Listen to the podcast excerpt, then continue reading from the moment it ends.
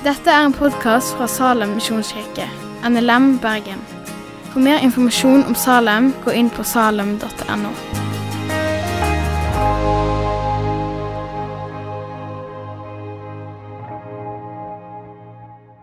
Helt i starten av Feserbrevet så, så begynte jeg å snakke om, om hvordan det er delt opp. I kapittel 1-3 så, så snakker Paulus om vårt forhold til Gud i Kristus. Og hvordan Gud jobber frelsen inn i oss, hvordan vi får høre evangeliet komme til tro.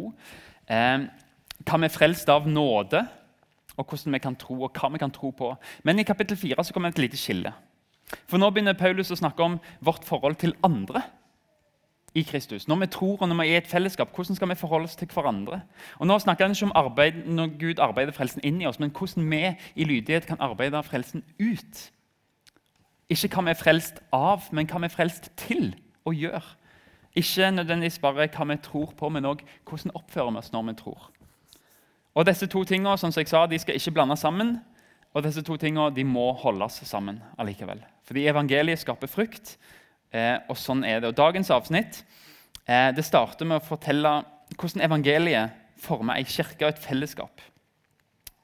Og Gud prøver å vise oss hvordan skal dette fellesskapet leve sammen i enhet og i hellighet. I dag skal vi snakke om enheten i, vers, i kapittel 4, 1-16.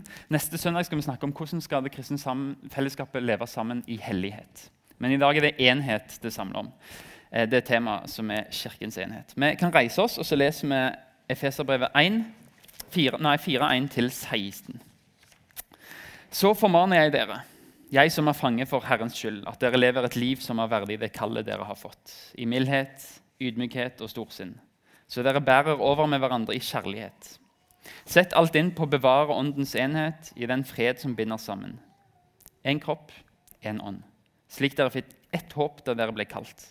En Herre, en tro, en dåp en Gud og alles far. Han som er over alle, og gjennom alle og i alle. Til hver enkelt av oss er nåden gitt, alt etter som Kristi gave blir tilmålt. Derfor heter det Han steg opp i det høye og bortførte fanger. Til menneskene ga han gaver. At han steg opp, må jo bety at han først var steget ned til det aller laveste, til jorden. Han som steg ned, er den samme som steg høyt opp over alle himler for å fylle alt. Og det var han som ga noen til å være apostler, noen til profeter, noen til evangelister, noen til hyrdere og lærere. For å utruste de hellige til tjeneste, så Kristi kropp bygges opp, inntil vi alle når fram til enheten i troen på Guds sønn, og i kjennskapen til Han blir det modne mennesket som er fullvoksent og har hele Kristi fylde.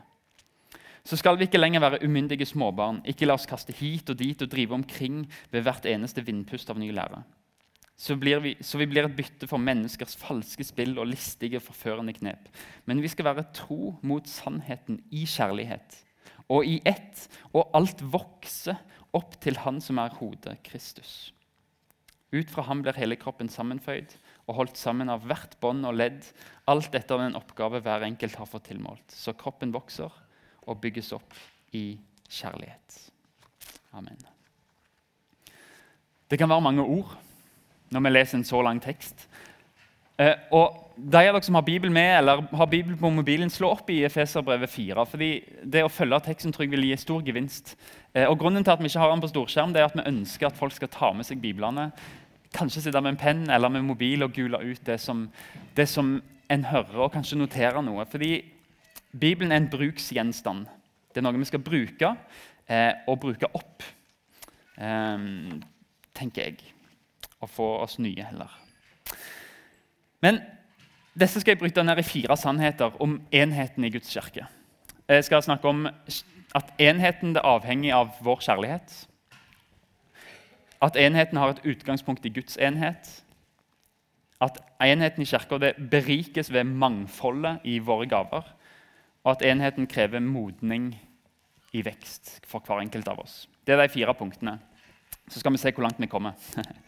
Eh, men for det første, i vers 1 og 2 Kristen enhet det avhenger av den kjærligheten vi viser hverandre.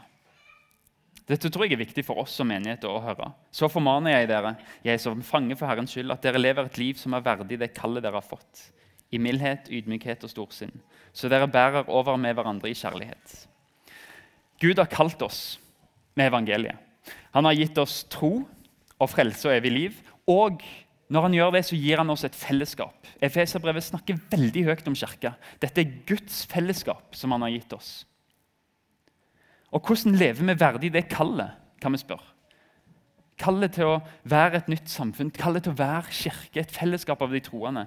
Jo, Paulus sier jo, i mildhet, ydmykhet, storsinn, gjensidig overbærenhet og kjærlighet. Vi skal være ydmyke mot hverandre.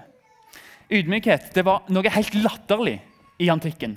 Helt fram til Jesus kom og viste hvordan skal du være ydmyk. Jesus viste at ydmyke sinn det handler ikke om å la seg tråkke på bare for å la seg tråkke på, men det handler om erkjennelse av verdi, at andre er verdifulle. Og Det er helt nødvendig for at vi skal ha et enhet i Salem. Og stolthet det er å søke andre sin respekt. Da, da, er det stoltheten din du jobber på. Hvis du søker hvordan kan jeg bli respektert i Salem. Men ydmykhet det å komme til Salem og anerkjenne at Gud, disse menneskene du har satt meg sammen med, de har en helt uendelig verdi. Hvordan kan jeg, hvordan kan jeg hjelpe disse til å se det? Hvordan kan jeg legge vekk mine ting som jeg bryr meg om, og se deres verdi og nære opp om den? Vi skal være ydmyke. Og så skal vi være milde. Det er ikke svakhet at vi skal være milde. Men mildhet i Bibelen det er nesten som en form for en, en styrke som er temma. Du har en veldig styrke, men du mestrer deg sjøl til å tenke ja, jeg skal bruke den til å tjene andre. Mildhet er en styrke som er temma. Vi skal være langmodige, vi skal ha overbærenhet med andre. Det er absolutt nødvendig hvis vi skal ha fred i vår forsamling. Å tenke ja, jeg vil være tålmodig med mine søsken. Ok, Kanskje gjør enkelte noen feil, og kanskje, kanskje prøver vi forskjellige ting og finner ut at det lykkes ikke, men, men vær tålmodige med hverandre. Og så skal vi gjøre dette i kjærlighet. Alt sammen. I kjærlighet til hverandre. Kristen fellesskap det starter ikke i strukturer. Kristen fellesskap det starter i kjærlighet. At vi ikke tenker at vi må få alt det formelle på plass. Jeg tror det viktigste er å få på plass at hvordan kan jeg elske de som er i salen. Vi må velge at det, det relasjonene mellom oss er mye viktigere enn strukturer. Struktur er viktig, ja, når vi blir mange, og sånt, men vi må velge at det er noe som har større verdi for oss. og det er at Hver enkelt har en uendelig verdi, og vi må se enkeltmenneskene. Det er fem grunnsteiner dette for kristen enhet. Og jeg tror Mangel på enhet det er noe Gud ikke finner velbehag i hvis det er splittelse. Fordi Gud ser at jeg kan ikke vise at dette er barn av kjærligheten hvis ikke det er enhet. Så legger Bibelen det veldig på oss å jobbe for det og streve etter det. Formane oss. Strev etter det som bygger opp fellesskapet. Det kommer ikke av seg sjøl. Strev etter det, jobb etter det. Legg av ditt eget. Elsk hverandre sånn som Kristus har elska oss og ga seg sjøl for oss. Vi som kommer i Salem, så ønsker jeg at vi tenker når jeg kommer i dag, så skal jeg være evangeliet for de andre. Det vil si, jeg skal være som Jesus, som kommer og tilgir når noe skjer. Og som strekker meg etter å vise nåde i stedet for fordømmelse. Jeg vil det beste for de andre. Jeg setter de andre foran meg sjøl, sånn som Jesus gjør, leser vi om i Filipperbrevet 2. Enhet starter med et sinn som vi jobber med, og som vi lar komme ut i lydighet når vi møtes. Det kommer ikke av seg sjøl, men strev etter det. Strev etter det. Og tenk hvordan kan jeg være evangeliet? Det gjelder når, når, noen kommer en søndag og forteller deg at det, livet er vondt. Hvordan kan du være evangeliet for den? Eller når noen kommer og sier du, jeg synes måten dere gjør det sånn og sånn på i Salem her, ikke er helt sånn. Hvordan kan du være evangeliet? Hvordan kan vi møte hverandre med kjærlighet? Enhet kommer ikke av seg sjøl. Strev etter det. Kristen enhet avhenger av kjærligheten vi viser til hverandre. Punkt to, Kristen enhet har sitt utgangspunkt i Gud. For Samtidig som vi sier at vi skal streve etter enhet, jobbe etter det, så, så finnes denne enheten allerede. Vi trenger ikke skape den enheten, men oppdage den og leve den ut. Sett alt inn på å bevare åndens enhet. I den fred som binder sammen. Én kropp, én ånd. Slik dere fikk ett håp da dere ble kalt. Én Herre, én tro, en dåp. En Gud og alles Far, Han som er over alle og gjennom alle og i alle. Paulus skriver én sju ganger. Det er liksom hans vise enheten. Så skriver han enhet. Han skriver én sju ganger. Tre ganger handler det om Gud. Vi har én ånd, én Herre Jesus og én Gud og alles Far. Og Fire ganger så handler det om vår kristne opplevelse i forhold til troenigheten. Én far som skaper én familie. Én Herre som skaper én tro. Ett håp som vi har sammen, og én dåp som alle er døpt til. Og én ånd som skaper ett legeme. Og som gir kirka styrke til å fungere som en kropp. I vers 3 så står det 'Sett alt inn på å bevare åndens enhet'. Bevar han. Selv om du ikke ser han, selv om du ikke alltid forstår han, så bevar han. Sett alt inn. Ikke sky noen alls anstrengelse. Og Jeg har lyst til å lese et lite avsnitt fra en kommentar som som så litt inn i grammatikken her, og vi skal ikke ta de tekniske greiene, men han skriver i konklusjonen av vers 3, når det står 'sett alt inn på bevar åndens enhet', så skriver han det er knapt mulig å få fram den eksakte meningen med det underliggende greske verbet. Det taler om hast og iver, men alle menneskets muligheter til å anstrenge seg er involvert. Vilje, følelser, fornuft, fysisk styrke og total hengivelse. Imperativformen i partisippet i den greske teksten utelukker passivitet, stillstand, en vent-og-se-innstilling eller en forsiktig holdning som bremser på farten. Du tar initiativet, gjør det nå, bestem deg for det, du skal gjøre det, si at du mener det. Dette er en overtone i vers 3. Sett alt inn på å bevare enheten. Legger dere merke til hvordan Paulus sier 'bevar enheten her'? Elsk hverandre. Hvor er den iveren? Er det en apostolisk formaning som er kjempesterk i Bibelen, og som vi nesten overser? Jeg tror ikke det, men vi har mye igjen å gå på å vise denne enheten. Den finnes. Den har utgangspunkt i Gud.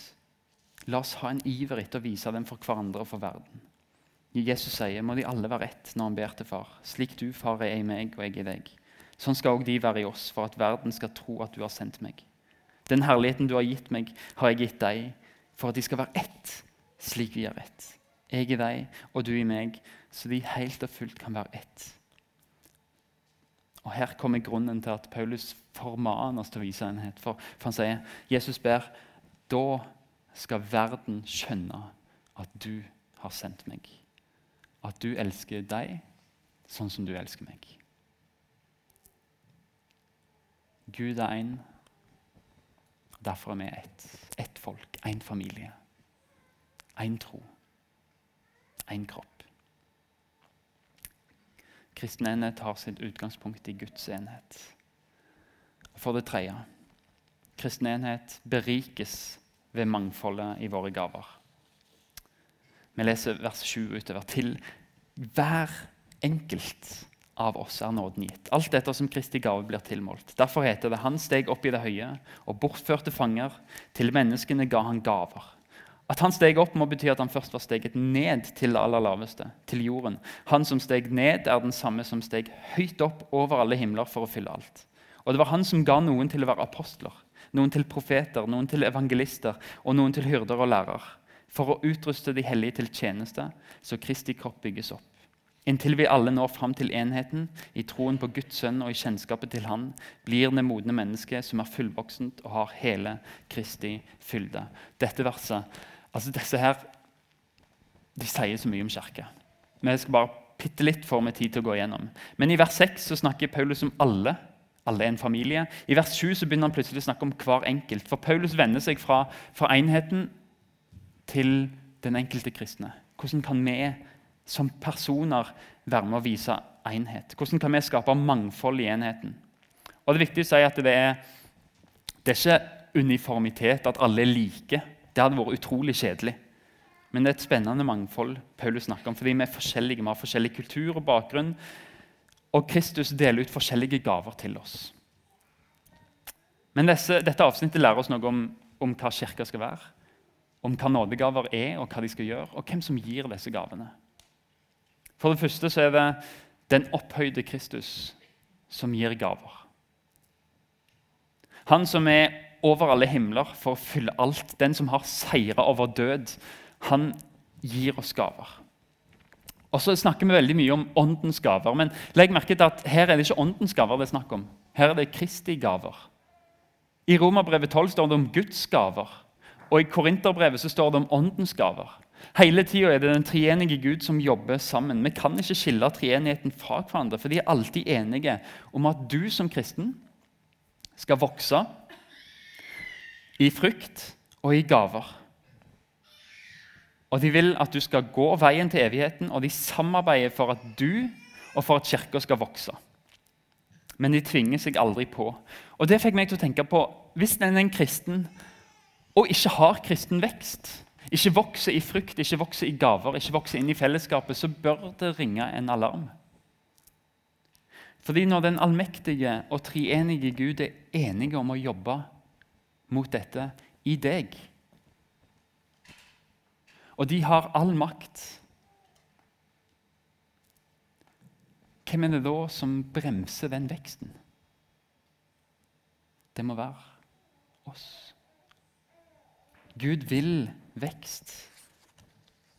Men når den allmektige, treenige Gud samarbeider Fader, Sønn og Ånd om dette, så kan det ikke være et hinder ligger hos deg, men hos oss.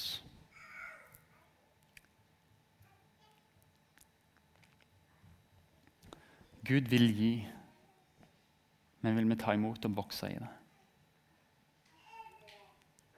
Og Så står det noe om at det fins mange gaver. Det fins minst 20 nådegaver i de listene vi har i Nytestamentet, og mange er relativt ordinære. Ikke alle er så spektakulære nådegaver. Og det er ingen av listene som er like, så vi vet egentlig ikke er dette alle nådegavene som er ramset opp i Bibelen, eller fins det noen andre? Det er vanskelig å si. Her nevner Paulus apostel, profet, evangelist, hyrde og lærer.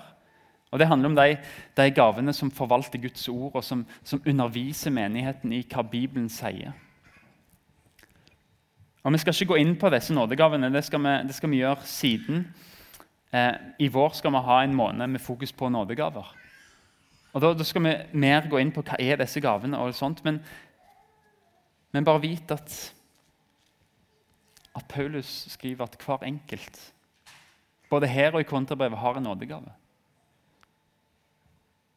Og Det kan du grunne på sammen med ektefelle, sammen med bibelgrupper. Hva er din nådegave? Og Så skal vi ha mer undervisning om det i vår. Men hva er hensikten med disse gavene? Det skriver Paulus mye om her. Hvorfor gir Jesus nådegaver til menigheten? Så skriver Paulus jo for å utruste de hellige til tjeneste. Så Kristi kropp bygges opp inntil vi alle når fram til enheten i troen på Guds sønn og i kjennskapet til ham blir det modne mennesket som er fullvoksent og har hele Kristi fylde. Her skriver Paulus om tre grunner til at han gir nådegaver til menigheten. For det første, Han vil utruste de hellige. Det er deg. Det er de som tror. Vi er hellige. Til tjeneste, til arbeid i hans tjeneste. Til diakonia, det er det Bibelen bruker. Til, til tjeneste. Det er et privilegert kall for alle mennesker. Og Pastoren, hyrden sin jobb er å hjelpe og oppmuntre Guds folk til å oppdage disse til å utvikle og bruke sine gaver. Jeg har på ingen måte et mandat til å monopolisere det som skjer i Salem. Min mandat er å undervise og gi hver enkelt en mulighet til å vokse. Jeg skal multiplisere tjenestene, ikke monopolisere dem. Derfor er det egentlig sårt med en jantelov. Du skal ikke tro at du er noe. Jo, du skal det, fordi du har Guds hellige ånd i deg. Du er noe, du har noe å bidra med. Nådegaven skal utruste deg til tjeneste, men det skal òg oppbygge Kristi legeme, som er menigheten. Og Hvis legemet skal vokse, så må alle muskler trenes, alle må utvikles. Vil si at alle må bruke sine gaver. Du har en gave. Hva er den? Det er ikke alle som er sikre. Vi går gjerne en vandring sammen med deg for å finne det ut. Vi tar gjerne en prat, men vi trenger at alle bidrar. Fordi alle åndelige gaver er tjenestegaver. Det er meninga. Vi skal ikke hovere med dem, vi skal ikke skjule dem, vi skal tjene med dem. Og det trenger vi. Den tredje og mest spennende hensikten det er å vise Kristus til verden og ære Gud. Til å ha Kristi fylde i menigheten. For åndens gaver, alle nådegavene, egentlig så er det Kristus evner. Jesus gikk på jord og utøvde alle nådegavene i fullt mål. Han gjorde det helt perfekt. Han er forbildet til alle nådegaver. Han har utrusta menigheten sin til å gjøre det som han gjorde på jorda. Og heldigvis har han fordelt ansvaret mellom oss, fordi vi hadde ikke greid å leve opp til noe av det. Men sammen, som fellesskap, med forskjellige gaver, med forskjellige evner og personligheter, så er vi et fellesskap som sammen kan male en usynlig Jesus foran øynene på folk og si sånn er Jesus. Vi er hans kropp. Sånn ser Jesus ut. Vi trenger alle nådegaver i bruk for å kunne gjøre det. Hvis ikke så blir vi bare et øye, bare ei hånd, bare en fot. Vi trenger alle for å male det bildet av Jesus. Kirka, som forvalter nådegavene, maler et bilde av Jesus sammen. Tjen hverandre, skriver Peter i 1. Peter 4. Tjen hverandre hver og en med den nådegave han har fått, som gode forvalter av Guds mangfoldige nåde. Den som taler, skal se til at han taler som Guds ord. Og den som tjener, skal tjene med den styrke Gud gir. Slik skal Gud i ett og alt bli æret ved Jesus Kristus. Det er målet. Vi skal ære Gud. Mennesker som ser oss, skal ære Gud.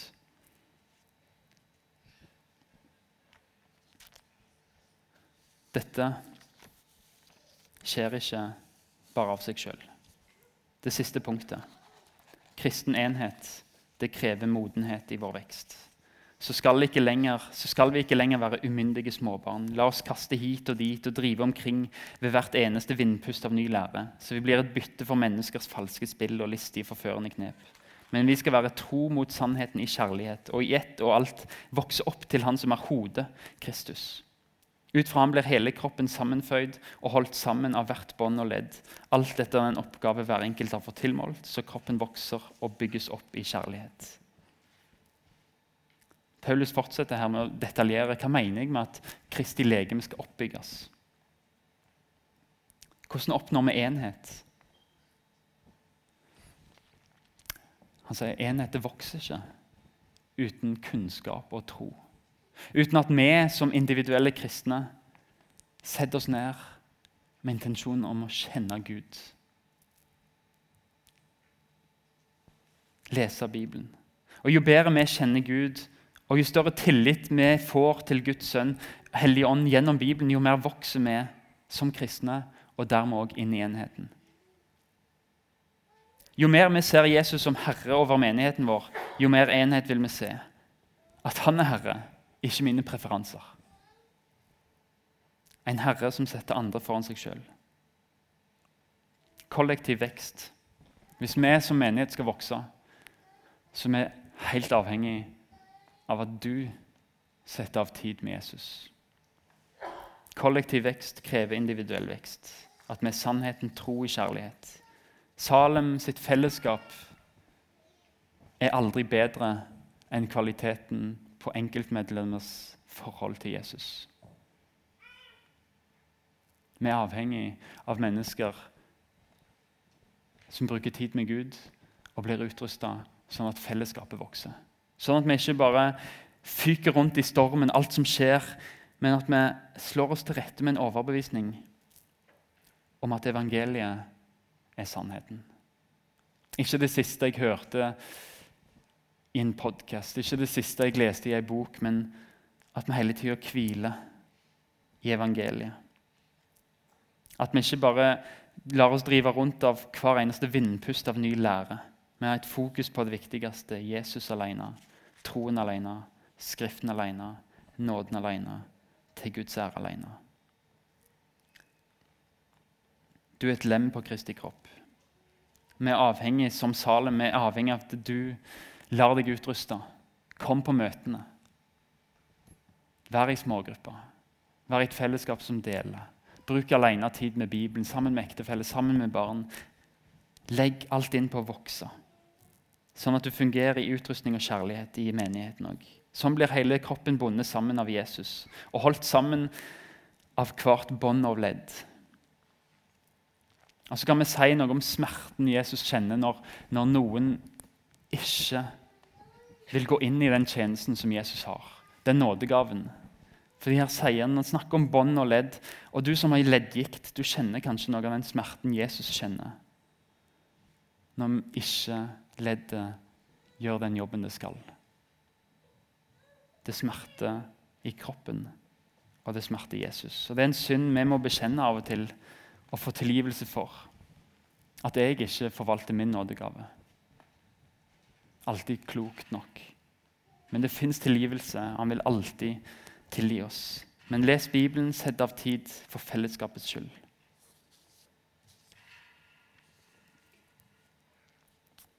Jeg tror vi skal stoppe der, sånn at vi får ta imot barna òg til nattverd etter hvert. Men vi skal be en bønn, og så lar vi det være stille eh, en liten stund før vi går og feirer nattverd sammen. Herre Far.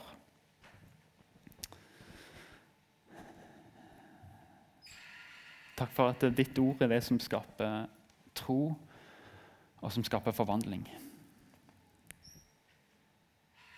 Takk, Jesus, for muligheten i dag til å lytte til ditt ord i, i sang og i åpning for barna og her i, i talen. Jesus. Og så har vi sagt mye annet òg, men vi ber om at ditt ord blir brennende fast i våre hjerter. Helligånd, gå i benkeraden og gi hver enkelt av medlemmene i Salem en særbehandling som du ser at vi trenger. Og så ber jeg for deg som opplever at dette var overveldende, og som kanskje trenger hvile nå. Jesus åpner øynene til å se at vi er et fellesskap der av og til så trenger vi å hvile på én fot og stå på den andre. At en del av det å være et nådegavefellesskap er nettopp rom for hvile for vi er flere. Og Jeg ber for deg som er, kjenner seg sjøl igjen som passive. Herre Ånd, jeg ber om at du rører ved deres hjerte en ild som ikke kan kontrolleres, men som du er herre bak. Og fyll dem på ny med din nådegave. Tilgi oss når vi forsømmer nådegaven vår, og led oss, Herre Far, inn i din nåde, sånn at vi kan tjene i nåde. Takk for at du tjente oss først og har gitt oss alt vi trenger bare av nåde. Og La vår respons få være å tjene hverandre og tjene deg, Jesus. Og Vi takker deg for at det ikke står på oss, vårt hjerte, og at vi gjør alt riktig, men at du har fullbrakt frelsen. Og La oss få tjene ut av takknemlighet og glede for det. Takk for at du har hørt på podkasten fra Salem, Bergen. I Salem vil vi vinne, bevare, utruste og sende, til Guds ære. Vi ønsker å se mennesker finne fellesskap, møte Jesus og bli disippelgjort her i Bergen og i resten av verden. Vil du vite mer om oss, gå inn på salem.no.